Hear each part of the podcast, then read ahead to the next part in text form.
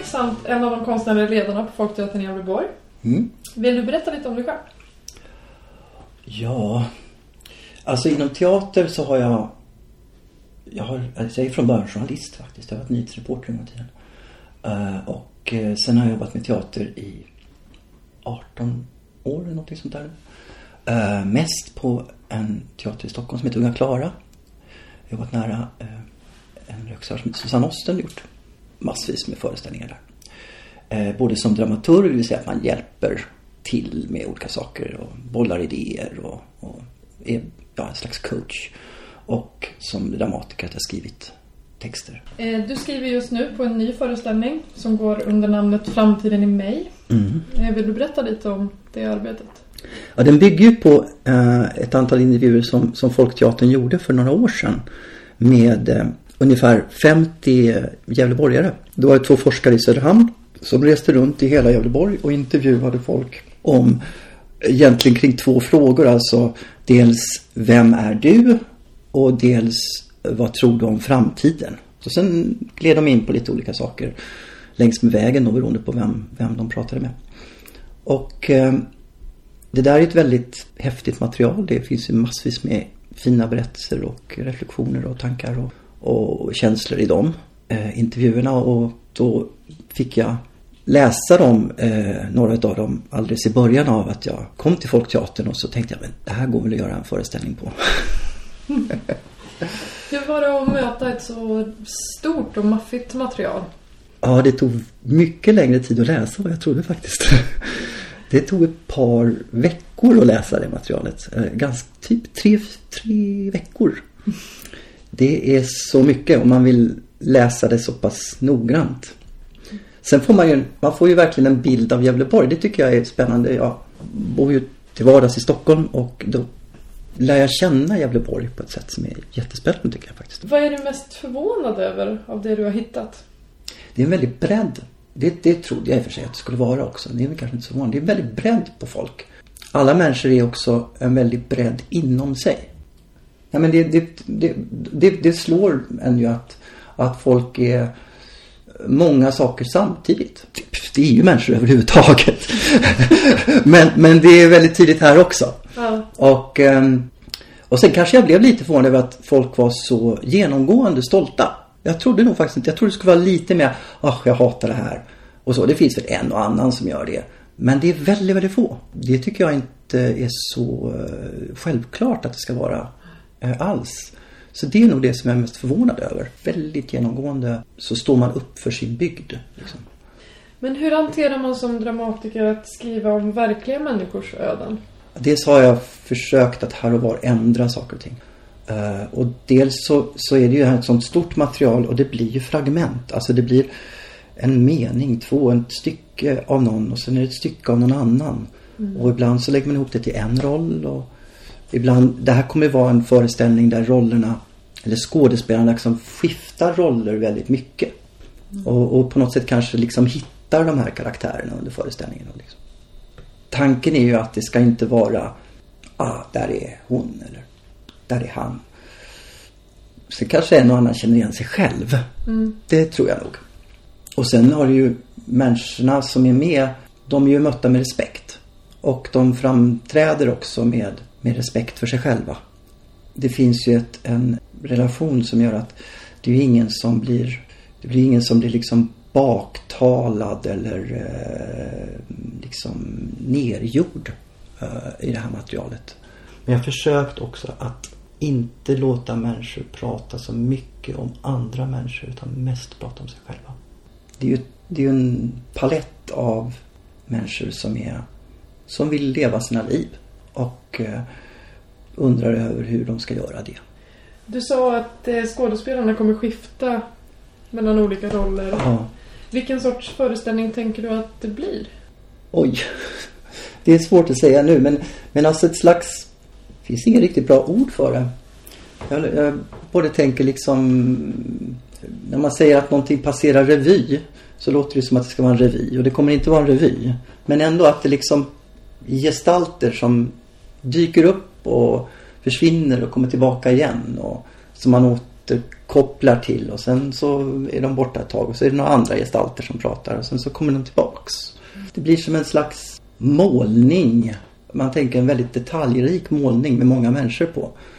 Och så kan man gå in och titta på de här detaljerna om man vill. Folk kommer säkert att fastna för olika saker i den. Liksom, Oj, ja, den där var den tyckte, eller den var intressant. Och, och så blir det annat som man kanske glider förbi för det kopplar inte till mig. Liksom. Så det kommer att vara olika, det blir som ett, en mosaik av människor och gestalter. Uh, som ändå på något sätt kommer att hänga ihop i en helhet. Du skriver ju nu och har gjort det ett par veckor. Mm. Hur eh, gör du rent hantverksmässigt? Ja, jag läser och läser och sen så stryker jag för de bitarna jag tycker, åh det här är spännande. Och jag stryker för alldeles för mycket. För det är alldeles för mycket som är spännande. Och sen så försöker man liksom plocka lite såhär, ja men den sa något bra om det där och den sa något bra om det där och så måste man ju välja och det är svårt. För man måste också välja bort. Oftast för att liksom, ja men det är kanske inte det här ämnet just nu, just här. Man fastnar för olika formuleringar och så tänker man, det där var bra sagt. Det där var, ja men det där känner jag igen. Det där är spännande. Och sen så samlar man på sig de där bra formuleringarna. Och sen ska man försöka lägga in dem i det här nätverket av, av uh, mönstret av figurer och gestalter. Och få det att fungera ihop med fyra skådespelare. Och, jag menar sådana här praktiska saker också. Mm. Och så försöker man hitta någon sorts rytm i det. Det är väl mycket det. Så. Är det lättare att skriva ur fantasin? Uh, det går ofta snabbare att skriva ur fantasin. För att då slipper man ta hänsyn. Uh, så det går ofta snabbare att göra det. Um, uh, när man har ett verkligt material så, så är det liksom två processer. Man måste försöka förstå det verkliga materialet och sen ska man försöka göra en text av det. När man skriver ur fantasin så, så ja, då är man ju bara där. Liksom. Det kan hända att man behöver göra research och behöver liksom undersöka saker då också. Men det är en annan del. Sen har jag faktiskt skrivit till lite små saker själv i den här också. Så det är inte bara intervjutexter. Utan jag har lagt, lagt på lite. Mm. Har du gjort eh, några liknande projekt tidigare? Inte riktigt. Inte på det här sättet. Det här är nytt på det sättet. Jag har, jag har gjort eh, föreställningar som antingen byggt på Eh, alltså byggt på verkligt material. Gjort en föreställning som handlar om politiska tal från hela 1900-talet. Och då höll man på och liksom fogade ihop någonting. Jag har gjort en föreställning som på ett sätt, på ett liknande sätt byggde på att jag intervjuade de skådespelare som var med i föreställningen. Och sen byggde jag ihop de intervjuerna och lite andra intervjuer med mina egna texter. Så jag har gjort lite liknande saker förut men inte riktigt så här. Det här är, det här är första gången som det är så stort material uh, som är intervjuer på det här sättet. Nu ska ju du snart lämna över manuset till Kajsa Isaksson som ska regissera. Mm. Hur ser ditt arbete ut efter det? Vi kommer ju fortsätta prata. Mm. Uh, och uh, det är ju liksom en av fördelarna med att vara, kunna vara med i en repetitionsprocess. Att uh, man kan vara med och skådespelarna möter texten och så ser man, ja ah, men det här funkar inte så bra, ska vi ändra det? Eller hur ska vi göra här? Eller vad tänker du när du skriver så här? Eller vad betyder det här? Då kan man hålla på och föra en dialog om det. Också justera och utveckla saker och ting som behöver utvecklas längs med vägen. Vi kommer ju ha fortsatta samtal där vi bollar idéer och tankar. Liksom. Och det, det tycker jag är det bästa sättet att jobba på. Men hur mycket är du beredd att ändra din text från att den lämnas över första gången? Så länge det är en bra, ett bra ändringsförslag så då kan jag göra det.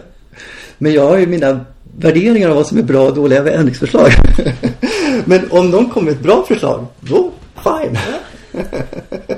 då är det bara att göra det. Så att det handlar ju om att man eh, resonerar kring, ja men, ja men det där är bättre än vad jag skrev, ja men då kör vi det. Mm. Kan du själv också känna att eh, den text som ser bra ut på pappret förändras i dina ögon när en skådespelare framför dig? Ja, oh ja. Alltså det blir ju det blir nästan aldrig som jag har tänkt. Det ska det ju inte. Det är liksom själva skärmen med teater. Att, att, eh, och eh, att skriva för teater att du har inte full koll. Utan du lämnar ifrån dig en text och sen är det någon annan som är konstnär som har sina idéer och sina tankar och sina tolkningar och som gör någonting helt annat. Eh, den konstnär du möter nu är ju Kajsa Isaksson. Har ni jobbat ihop tidigare? Det har vi faktiskt. Vi har jobbat på Unga Klara ihop. Eh, det var väldigt roligt eh, att jobba ihop tyckte jag. Kul att möta hennes fysiska teaterspråk och intresse för text. Vad tror Gävleborgarna om framtiden? Det är väldigt svårt att sammanfatta faktiskt. Kan jag nästan inte. För det är så olika beroende på vem det är. Och väldigt många, precis som alla människor gör, tänker ju på sin egen situation och vad man själv är för någonstans i livet och vad man själv ska göra härnäst. Och... Så det är väldigt svårt. Jag tror, att de, jag tror de flesta människor är sådana att i ena stunden tänker man åh det går åt helvete och i nästa stund tänker man att ah, det löser sig. Och så tror jag att de flesta är och det, det är nog likadant med de här. Alltså det finns ju verkligen alltså fina beskrivningar av hur det är att bo i Gävleborg. Alltså att det, det, det, det finns en väldig kärlek tycker jag till sin trakt. Till sitt, eh, sin, sin del av världen. Det är väldigt få i det här materialet i alla fall som säger usch jag hatar att bo här och jag vill flytta härifrån så fort jag kan. Och så. Det är ingen som säger. Väldigt, väldigt många är faktiskt hyfsat nöjda med livet. Alltså det finns ju hela det här avfolknings utflyttningsproblematiken. Folk är ändå rörande eniga om att ja, men här finns ett värde att bevara. Här finns ett liv som faktiskt är så bra att eh, folk kommer upptäcka det. Och sen något som jag faktiskt slås av. För jag tar ju bort alla såna här parenteser och så står det hmm, och skratt och sådär. Det är jättemycket skratt. Folk skrattar hela tiden. Även när de säger ganska allvarliga saker. Och det tror jag är så vi gör. Jag vill inte lägga det på skådespelarna att de måste skratta. Så jag tar ju bort det hela tiden. Men, men det är påtagligt hur ofta människor skrattar när de, säger, när de berättar om sig själva och sina eh, dilemman. Ja, man, man, man hanterar att det är lite känsligt eller gör lite ont eller är lite besvärligt med att skratta.